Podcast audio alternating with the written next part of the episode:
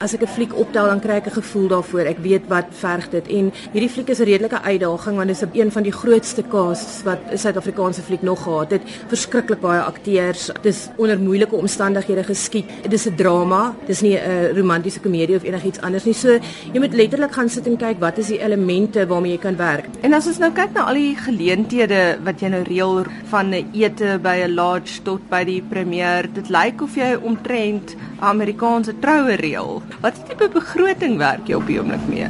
Wel ek dink op hierdie stadium was dit as ouens borg.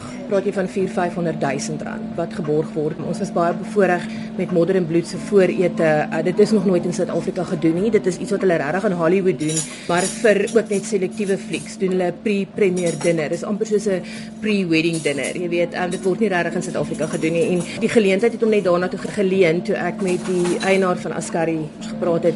Het hy gesê hy wil nog altyd 'n lang tafel ete gedoen het en die hele lodge het 'n geskiedenis met die Anglo-Boereoorlog.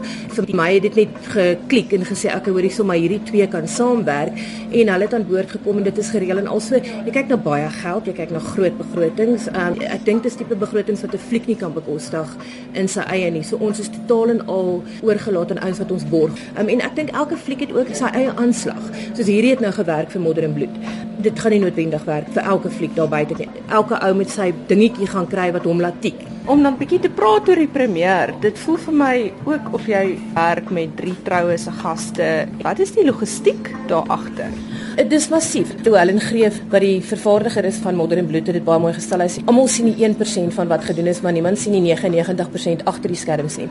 Modern Blood se premier spesifiek, dit is 1000 gaste. Ek meen dit is nie 'n troue van 100 mense nie, dis 1000 mense. En ons werk baie nou saam met Sterkie Nikor. Hulle help baie met die logistiek rondom die teater self en die winkelsentrum, maar daar's ongelooflik baie goed. Ek meen daar's goed wat jy moet in ag neem van ouens wat die klank gaan kom doen met massiewe skerms en 'n 10 meter rooi tapuit. Weer die Hollywood en dan sal die gaste luister. Ek meen jy sit en doen weke lank net RSVP's om seker te maak dat jou gaste lys reg is en dat jy nie iemand mis nie. Dit is verskriklik baie goed. Dis nie sommer net nie. Ek verstaan jy kry baie borge maar ek bedoel iets soos die catering moet jy self betaal. So hoeveel is dit omtrent? vir 1000 mense soos ons sê kyk jy na 'n goeie 180 000 rand. Ons is weer eens bevoorreg om dit geborg te gekry het want 'n fliek kan nie dit uit sy eie begroting uit betaal nie. Maar wat vir my wel interessant is, die vervaardiger het gesê met hierdie fliek het hulle twee aparte begrotings gehad, een vir bemarking en een vir die rolprent en ek dink nie dit het ook al met 'n ander rolprent gebeur nie. Nee, nee, dit het nie met 'n ander rolprent nog gebeur nie en ek dink dit is waar jou vervaardiger so 'n belangrike rol begin speel, né? So ek dink mense mis partykeer wat is dit wat 'n vervaardiger regtig doen?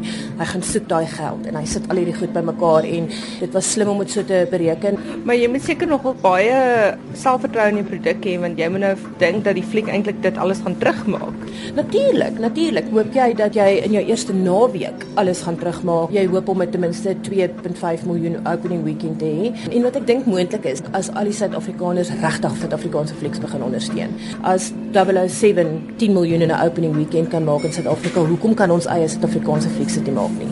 En as ons dit doen, dan we all all okay. Maar tot dan is ons almal in die rooi. Jy weet, dan werk ons op, o, Jesus, ons hoop daai fliek gaan die geld terugmaak. Jy's nou al 'n hele paar jaar in die fliekbemarkingsbedryf, maar eers omtrent van 2014, 2015 het mense regtig begin aandag gee aan bemarking. Hoekom dink jy het vervaardigers vergeet van bemarking? Weet jy ek het geen idee nie. Ek ek moet vir jou sê dis ook omtrent wanneer ek regtig besig begin raak het, is toe die ouens begin agterkom het dat publisiteit en bemarking rondom 'n fliek speel 'n geweldige rol. Um, ek dink hulle het net toe nou begin wakker skrik. Ek weet ek weet nie.